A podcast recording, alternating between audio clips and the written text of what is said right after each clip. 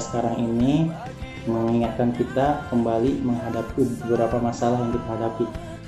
Apalagi di era zaman sekarang ya, berbagai masalah itu datang, uh, terus silih berganti permasalahan, ditambah lagi sesuatu yang jarang kita alami sebelumnya yaitu pandemi dan lain-lain maka saya sarankan untuk tidak menyerah. Tapi bagaimana ketika hal itu uh, bisa kita uh, budayakan jangan men jangan menyerah ini. Ketika kita masih kecil apakah kita diajarkan? Ketika kita masih dalam kondisi sekolah apakah guru-guru kita mengajarkan hal itu?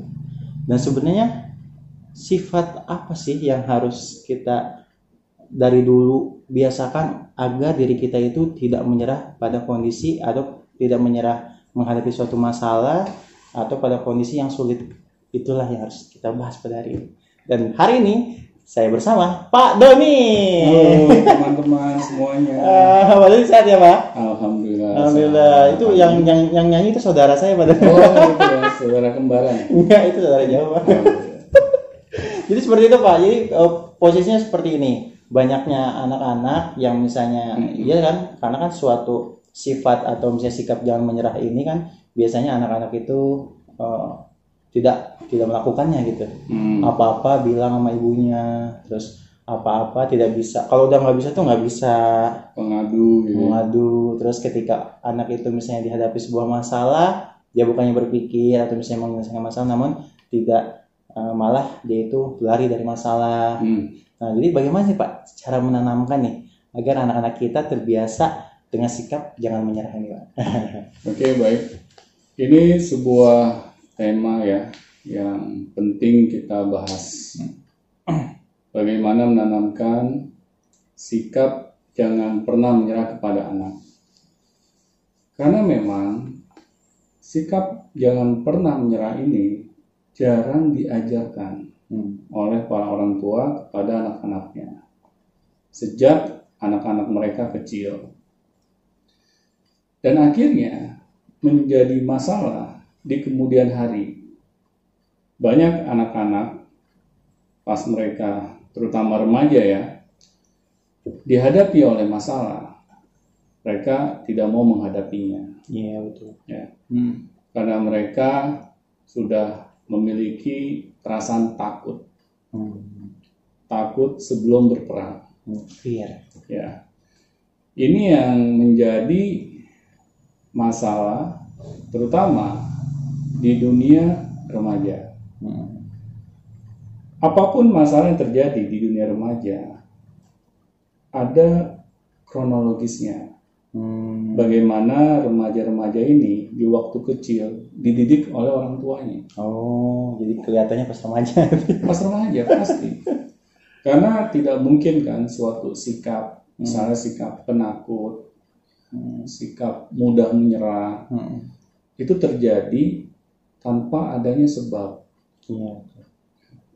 Kalau memang anak sejak kecil diajarkan oleh orang tuanya bahwa wajar ada masalah di dalam kehidupan kita. Hmm. Tetapi bagaimana cara kita menyikapinya itu yang paling penting. Hmm. Ini jarang dibahas oleh orang tua. Cara menyikapi masalah dengan baik. Hmm, sehingga anak itu mudah menyerah ya. Benar. Karena nggak mungkin kan kita hidup di dunia ini tanpa ada masalah. Hmm. Pasti setiap hari kita menghadapi masalah. Hmm. Semakin kita dewasa, masalah itu semakin besar. Hmm.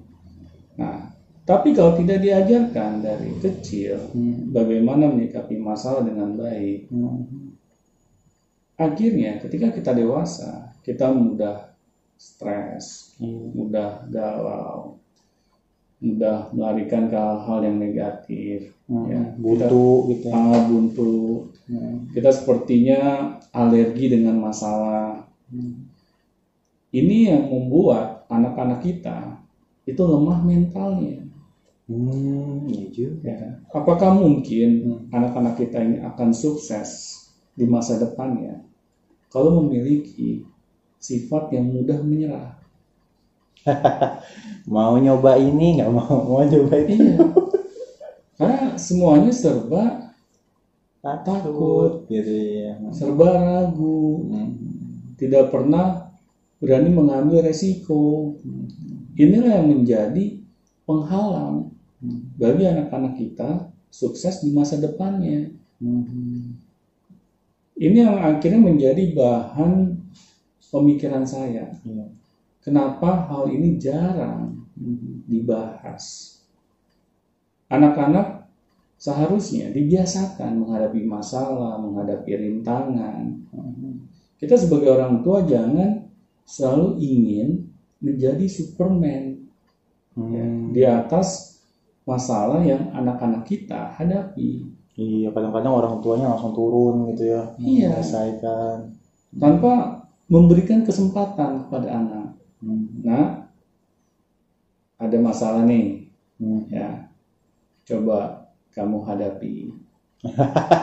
Kayaknya aku nggak pernah dari dulu kayak gitu. Nah itu, padahal itu penting buat mental anak-anak kita. Oh, jadi orang tuanya harus tahu sebenarnya. Iya. Kalau misalnya anak-anak tidak ditawarkan untuk menyelesaikan masalah yang mereka miliki, Hmm. ya kapan mereka mau belajar? Iya. Biasanya sih gini, anak-anak ketika membawa masalah kepada orang tua, sikap orang tua ada dua biasanya pak. Yang pertama ada marah-marah, Iya. mau marahin kamu ini ngapa sih bikin masalah gitu, bla, bla, bla, bla," gitu. Yang kedua adalah memanjakan gitu. Jadi anak itu "Eh, siapa ini yang bikin masalahnya? Orang tuanya yang nyamperin gitu. Iya. Nah itu sebenarnya apakah eh, dari kecil itu yang harus sebenarnya yang harus anak ibu-ibu lakukan atau bapak lakukan itu ketika anak punya masalah dan datang dengan masalah kepada dia apa yang harus dilakukan? Kan tadi Pak Doni udah bilang tuh menjelaskan masalahnya. Hmm. Terus apa lagi Pak? Nah, orang tua harus mau mendengar dulu Hmm. apa masalah yang anak buat. Oh iya benar-benar. Biarkan anak menjelaskan Hmm. masalahnya seperti apa. Hmm. Ajarkan ke anak.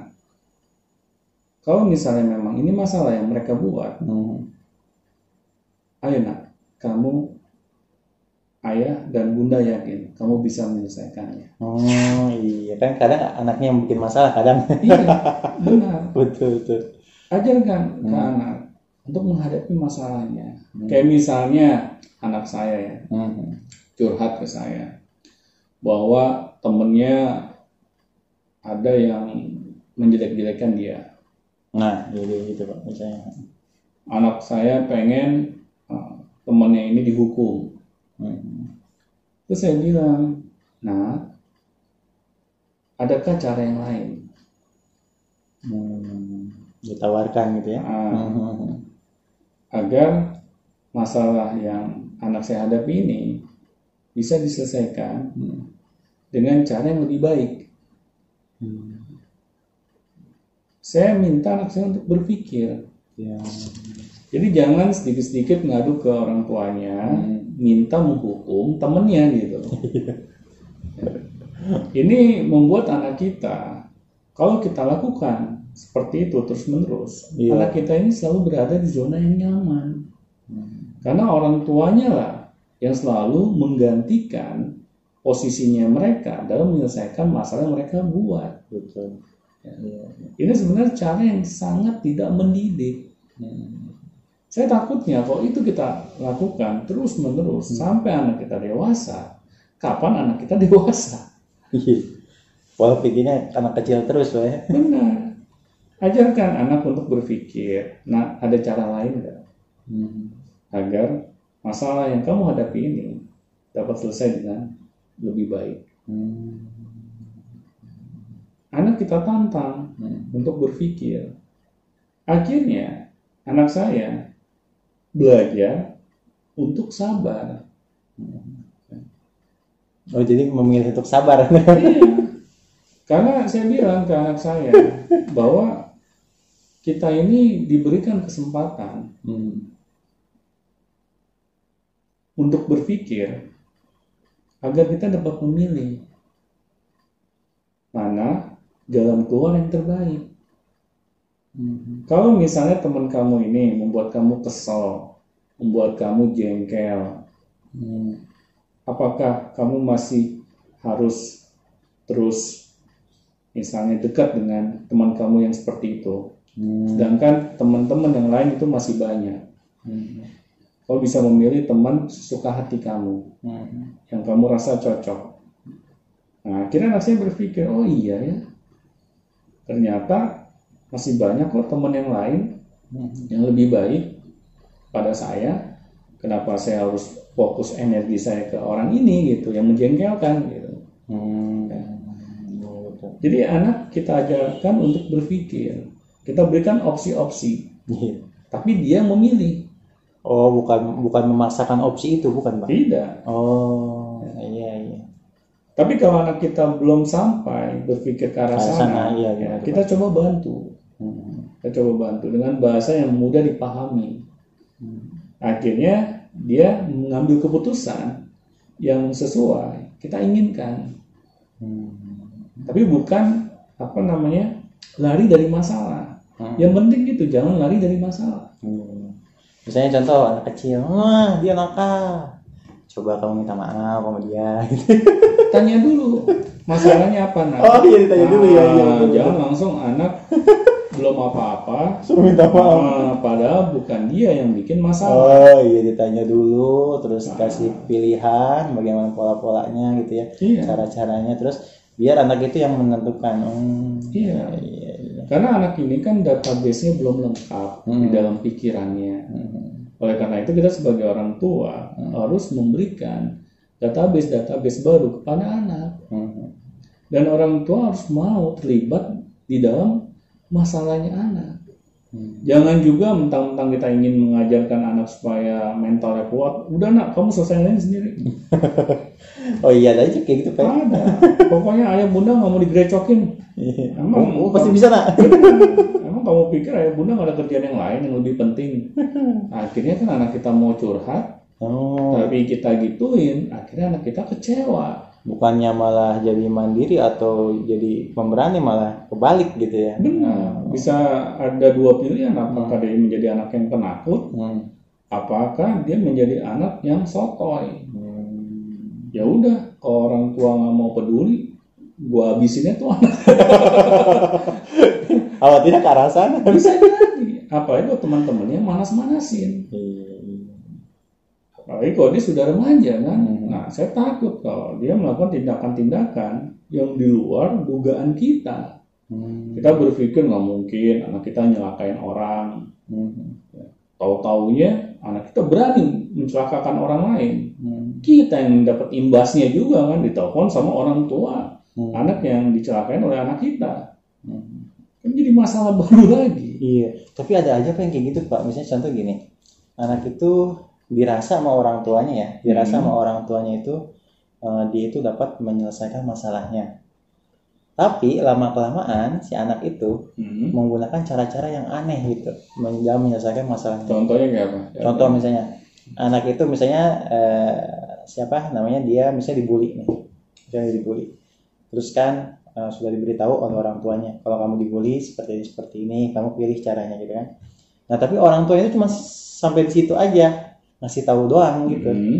Eh, jadi orang tuanya itu tidak mau evaluasi hasil dari eh, tindakan anaknya itu. Jadi ketika anaknya itu misalnya ya ibarat kata dia mengambil opsi untuk sabar. Hmm. gitu kan? Ibarat kata tapi lama kelamaan masa gue sabar terus sih? Iya. karena itu berpikir seperti itu kan pak. Oh tiba-tiba ketika dibully ditonjok tonjok terus jadi apakah harus ada evaluasi pak? Ketika anak-anak itu kita dikasih pilihan terus kita lihat bagaimana? Seperti Ya boleh kita tanya lagi. Hmm. Ke anak kita. Hmm. Misalnya sudah kita berikan nasihat, ya nasihat atau nah, pilihan bagaimana nah hasilnya? Hmm. Nah, misalnya anak kita memberikan feedback, Hmm. ya ya lebih baik kan saya temenan sama yang lain.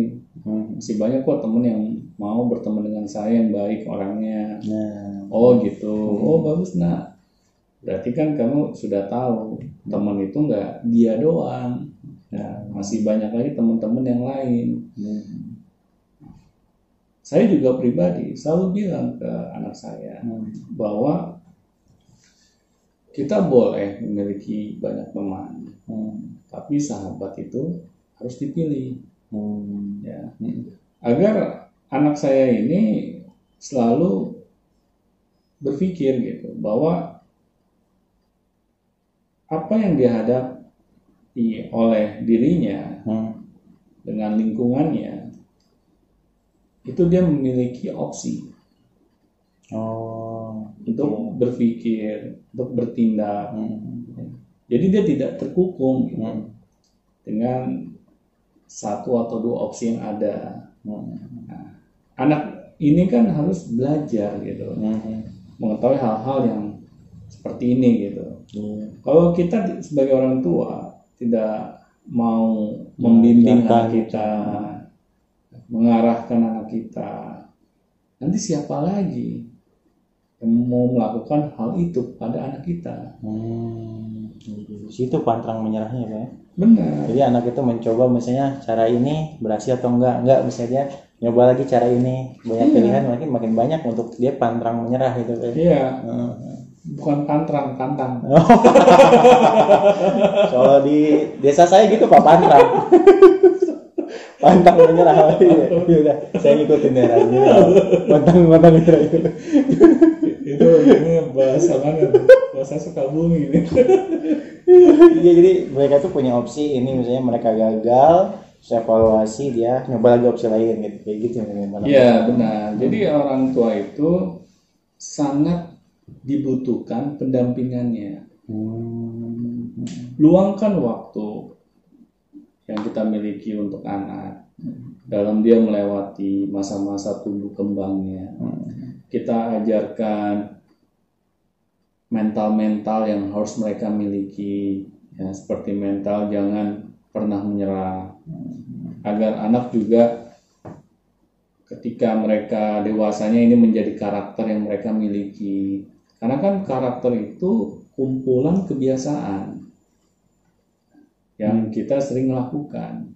Hmm. Kalau kebiasaan yang anak-anak kita miliki ini selalu apa namanya, hmm, ketika dihadapi oleh masalah Hmm.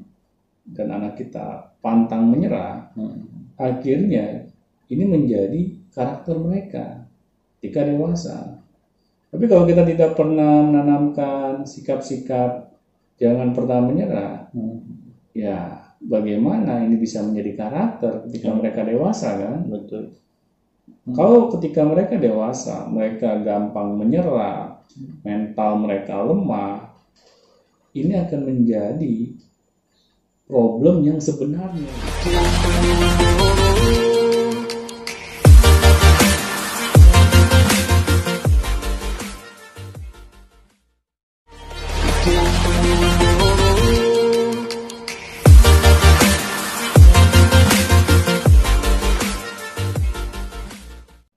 Tapi kan orang tua nih mumpung, misalnya kita masih punya anak-anak yang masih usianya kecil-kecil ya, masih usia ya anak-anak lah, Hmm. mulai tanamkan kepada anak-anak kita. Nah, kalau kamu memiliki masalah, hambatan, dan rintangan yang ada di kehidupan kamu, apa pun itu juga, ayo belajar hadapi. Ayah, bunda akan selalu menemani kamu untuk kamu dapat menyelesaikan masalah-masalah yang kamu hadapi. Hmm. Tapi bukan berarti kita yang menyelesaikan ma- masalah anak kita. Iya, jangan jadi superhero. Iya, kita hanya mendampingi. Iya, benar. Kamu bisa cerita apa saja Hmm. kepada kita sebagai orang tua. Hmm. Mau masalah itu kecil, mau masalah itu besar, kamu cerita aja. Kami akan mendengarkan segala curhatan kamu, Hmm. segala masalah yang kamu miliki.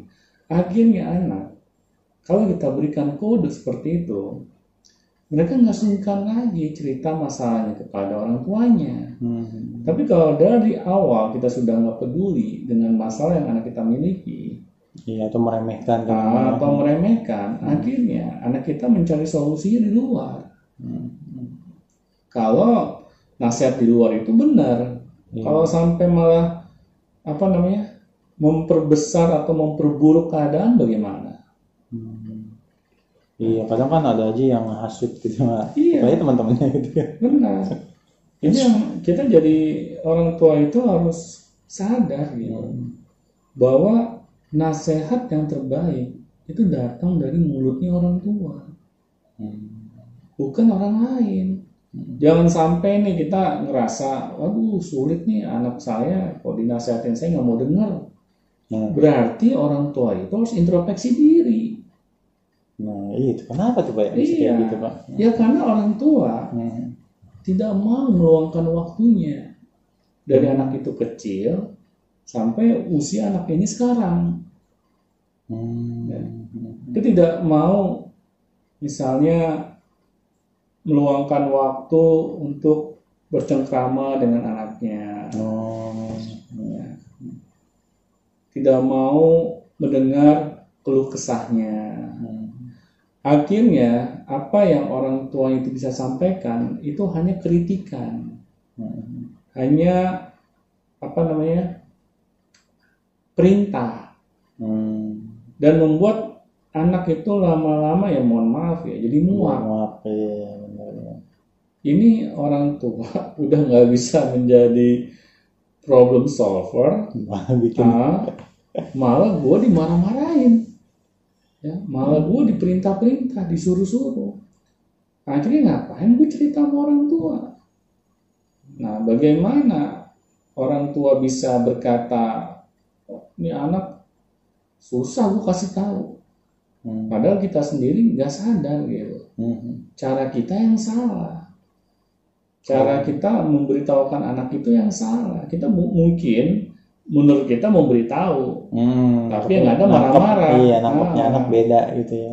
yang anak tangkap itu beda Nah, makanya kan saya suka kadang ketawa gitu kalau ada orang tua yang cerita ke saya Hmm. bapak nih anak saya nih susah banget dikasih tahu Iya, iya. Banyak yang kayak gitu, banyak. ngeyel, nggak mau dengerin Iya.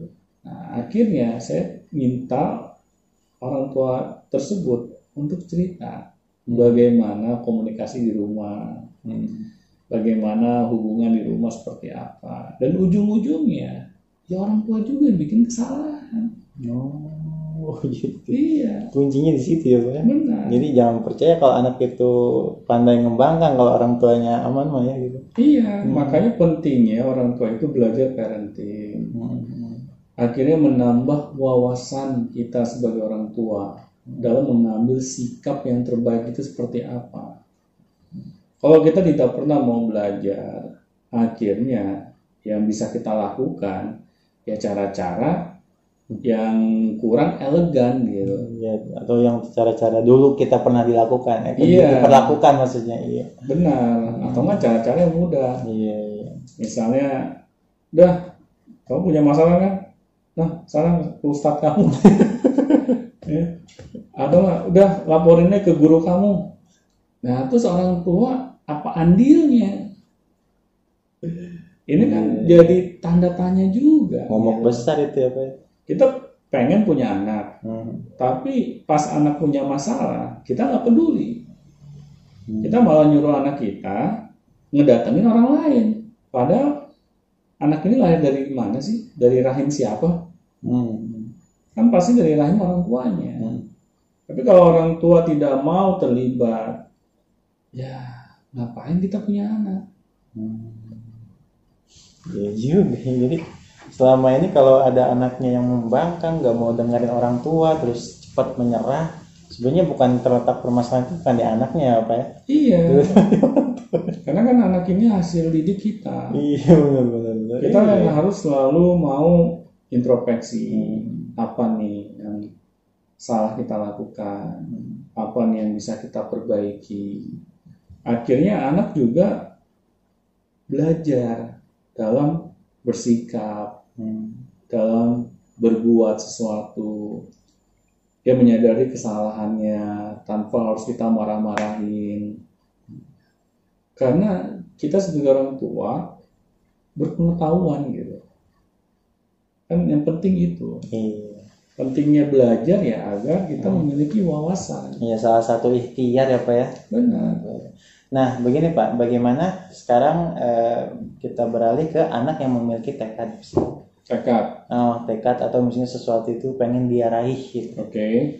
Banyaknya anak ketika dia memiliki tekad atau sesuatu yang ingin dia raih itu, Mm-mm. misalnya di per, eh, Pertengahan jalan. ya sedang memperjuangkan terus di pertengahan jalan, di pertengahan jalan dia menyerah Oke. untuk memperjuangkannya gitu. Nah, bagaimana posisi kita sebagai orang tua Pak harus apa eh, terhadap memperlakukan anak kita tersebut? Kalau saya pribadi sebagai orang tua, Hmm. Pertama akan mengajak berbicara dulu anak saya. Hmm. Mengapa kamu berhenti? Hmm. Ada apa? Hmm. Jangan langsung dijudge. Hmm. Jangan langsung kita hakimi anak bahwa anak kita ini pengecut misalnya, Hmm. bahwa anak kita ini lemah. Iya. Kalau Udah menyerah gitu. iya benar. Kalau kata-kata kita seperti itu ya sama saja kita mematikan potensi anak. Hmm. Kita harus cari tahu dulu apa nih the real problemnya gitu. Kalau misalnya kegiatan yang anak kita lakukan ini itu bukan potensi sesungguhnya yang anak kita miliki, Hmm, iya. bisa saja Bisa berada di jadi. tengah jalan. Oh. Kan anak dalam masa mencari jati dirinya. Hmm. Jadi wajar kalau di tengah jalan Hmm. mereka misalnya belum menemukan langsung. Hmm. Mereka harus switch gitu, berganti haluan. Hmm. Itu nggak masalah. Oh, oh, jadi eh, apa? Tawarkan beberapa opsi mungkin Pak ya agar mereka Bisa. tidak menyerah di situ gitu ya. Iya. Kalau ya kan saya saya pernah cerita dulu di podcast sebelumnya, Hmm. anak saya berhenti main bola. Hmm. Saya tawarkan lagi dengan kegiatan yang lain. Karena saya tahu itu sebenarnya bukan potensinya dia. Hmm. Karena karena saya kan mendampingi anak saya Hmm. pas dia di klub sepak bolanya. Saya me- saya melihat skill anak saya bagaimana. Terus bagaimana responnya dia, bagaimana sikap dia. Nah, saya lihat memang anak saya ini ya kalau boleh jujur hanya ikut-ikutan. Hmm. Mungkin terpengaruh, terpengaruh omongan lingkungan. Hmm. Misalnya lingkungannya sering ngomongin tentang sepak bola, akhirnya dia jadi tertarik. Itu wajar saja. Pas anak saya mencoba Hmm. dan akhirnya itu bukan potensi dia yang sesungguhnya, Jadi dia dalam masa mencari gitu ya. ya nggak masalah. Hmm. Jangan anak nih udah jelas masih SD. Pas anak minta berhenti di tengah jalan, kita bilang ke anak kita, kamu nih nggak istiqomah, Hmm. kamu nggak nunjukin tekad. Hmm. Itu kan kayaknya nggak kurang etis juga gitu. Iya, kadang seperti itu sih. Mana tekad kamu katanya mau ini gitu kan dia. Iya. Gimana gitu ya anak jadi sebagai posisi anak ya saya saya merasakan atau misalnya yang bisa saya lihat dari anak itu ya itu ya mau gimana lagi gitu. Iya, kalau saya sih pribadi sebagai orang tua jangan pernah kita hitung-hitungan sama anak. Oh, iya juga sih itu yang sa- salah satu faktor. Benar. Kalau kita hitung-hitungan sama anak, Hmm. misalnya kita udah merasa keluar uang yang besar gitu ya dalam memfasilitasi kegiatan anak kita, terus nggak sesuai dengan ekspektasi kita, Hmm. akhirnya kita marah-marah, kita merasa uang kita ini terbuang percuma, Hmm. anak tahu itu, akhirnya dia jadi lemah mentalnya untuk mencoba yang lain gitu. Hmm. Karena dia merasa ah takut ah nanti ayah kecewa, Hmm. ya bunda kecewa kalau saya nggak berhasil.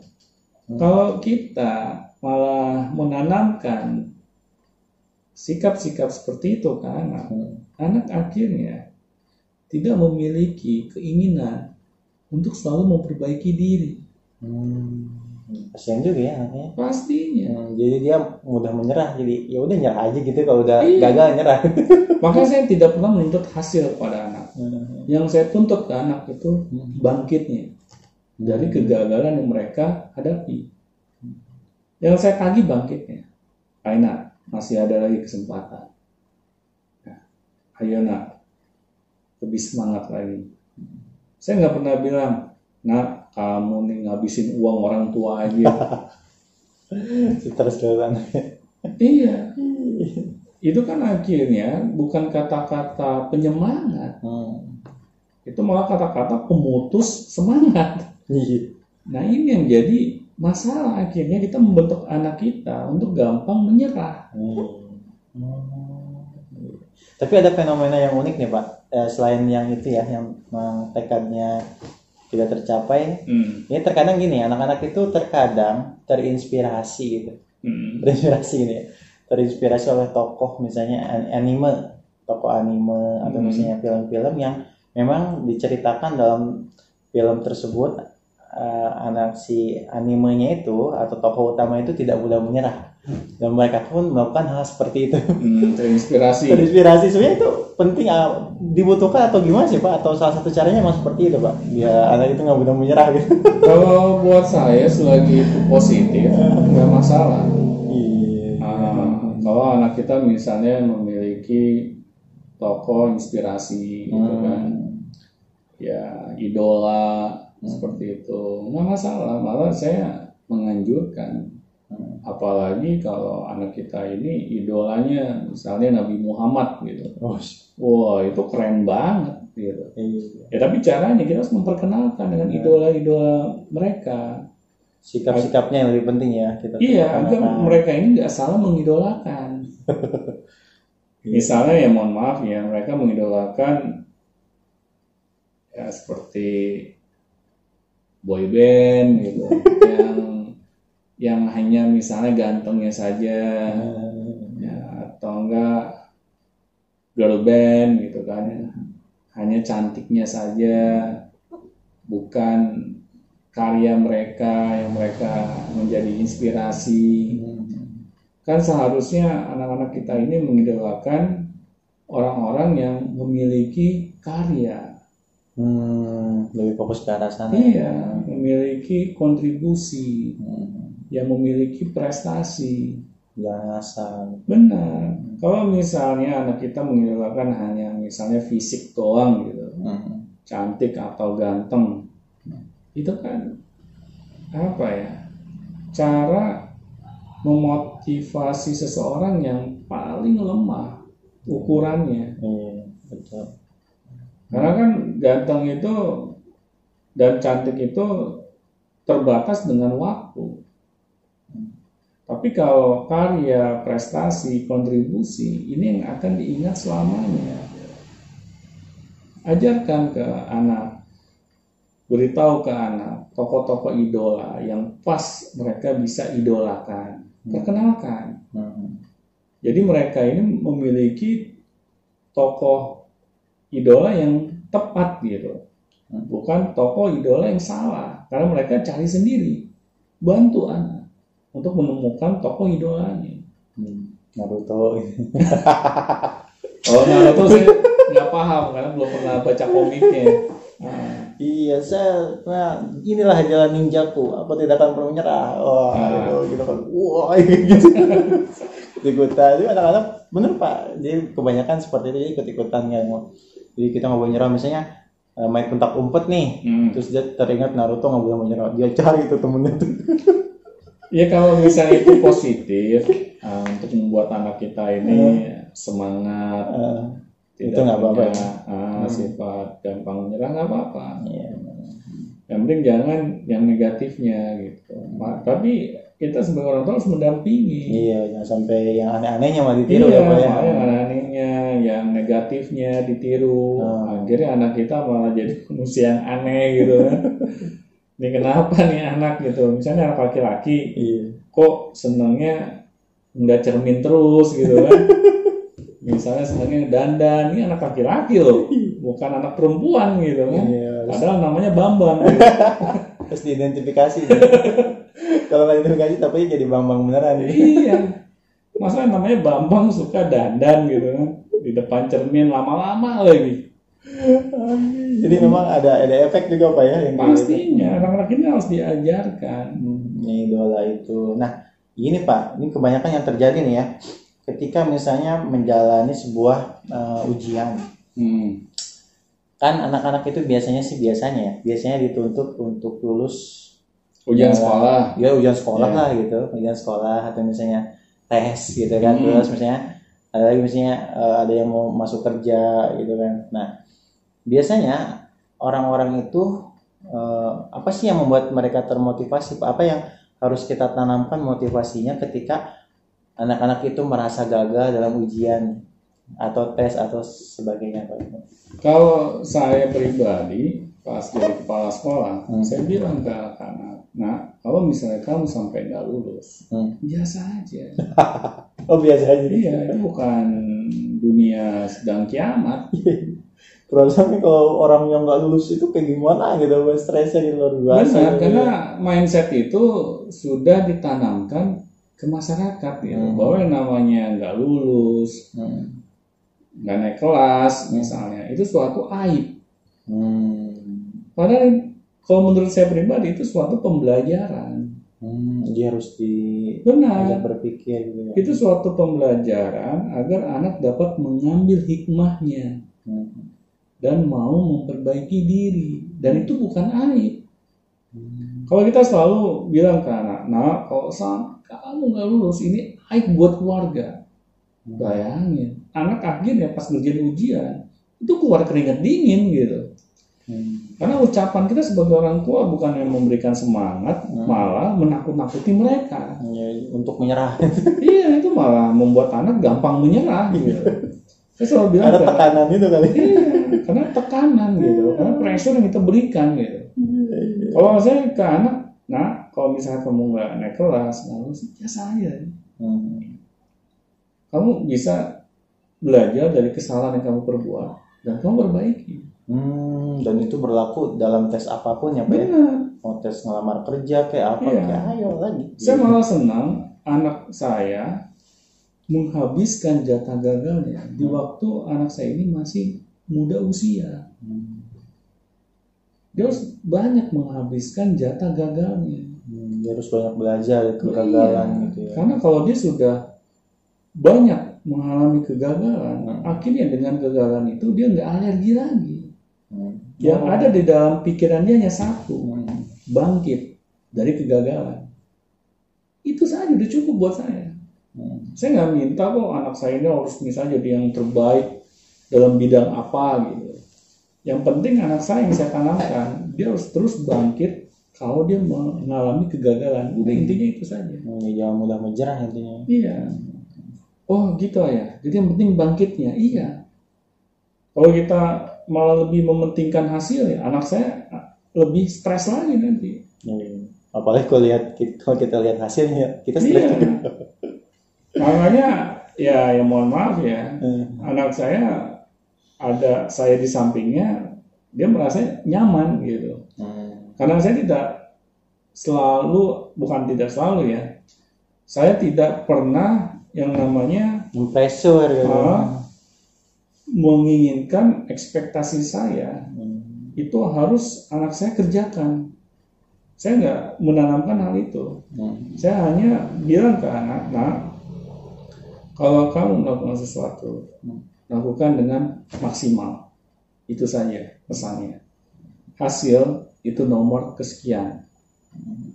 Jadi anak saya merasa bahwa dia diberikan kesempatan Hmm. untuk melakukan apa-apa yang dia sukai.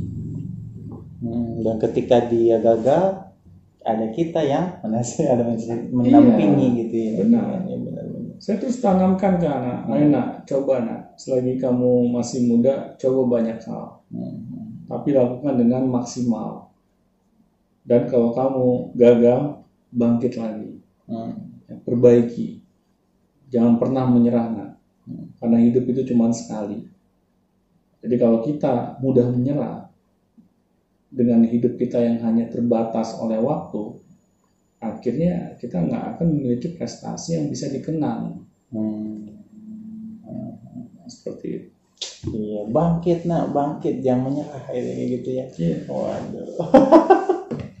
Memang sih di sekolah itu ya sedikit banyaknya sih pernah dipelajari ya terkait itu. jangan menyerah itu. Tapi ternyata peran orang tua lebih penting di sini apa ya? Penting. kita nggak bisa menyerah mengandalkan sekolah gitu tolong ajari anak saya untuk jangan pernah menyerah gitu kan ada aja kayak gitu Iya, kan kita nggak bisa memberikan pendidikan karakter 100% anak kita ini ke sekolah harus kita lah sebagai orang tuanya yang paling berperan Hmm. kalau karena mohon maaf ya kalau kita tergantung gitu dengan sekolah dalam mendidik karakter anak-anak kita kalau sampai sekolah tidak bisa memenuhi hal itu Hmm. kita yang rugi sebagai orang tua iya udah rugi waktu Benar. rugi biaya malah kita di rumah harus ngedidik lagi iya ini dari- daripada mending kayak gitu mending dari sekarang gitu ya Benar. ketika sudah Benar mendengar banget. podcast ini Hmm. langsung lah Mulai. menanamkan terlibat dalam pendidikan karakter anak-anak kita. Hmm, terutama menanamkan sikap jangan menyerah Ya, itu yang paling penting.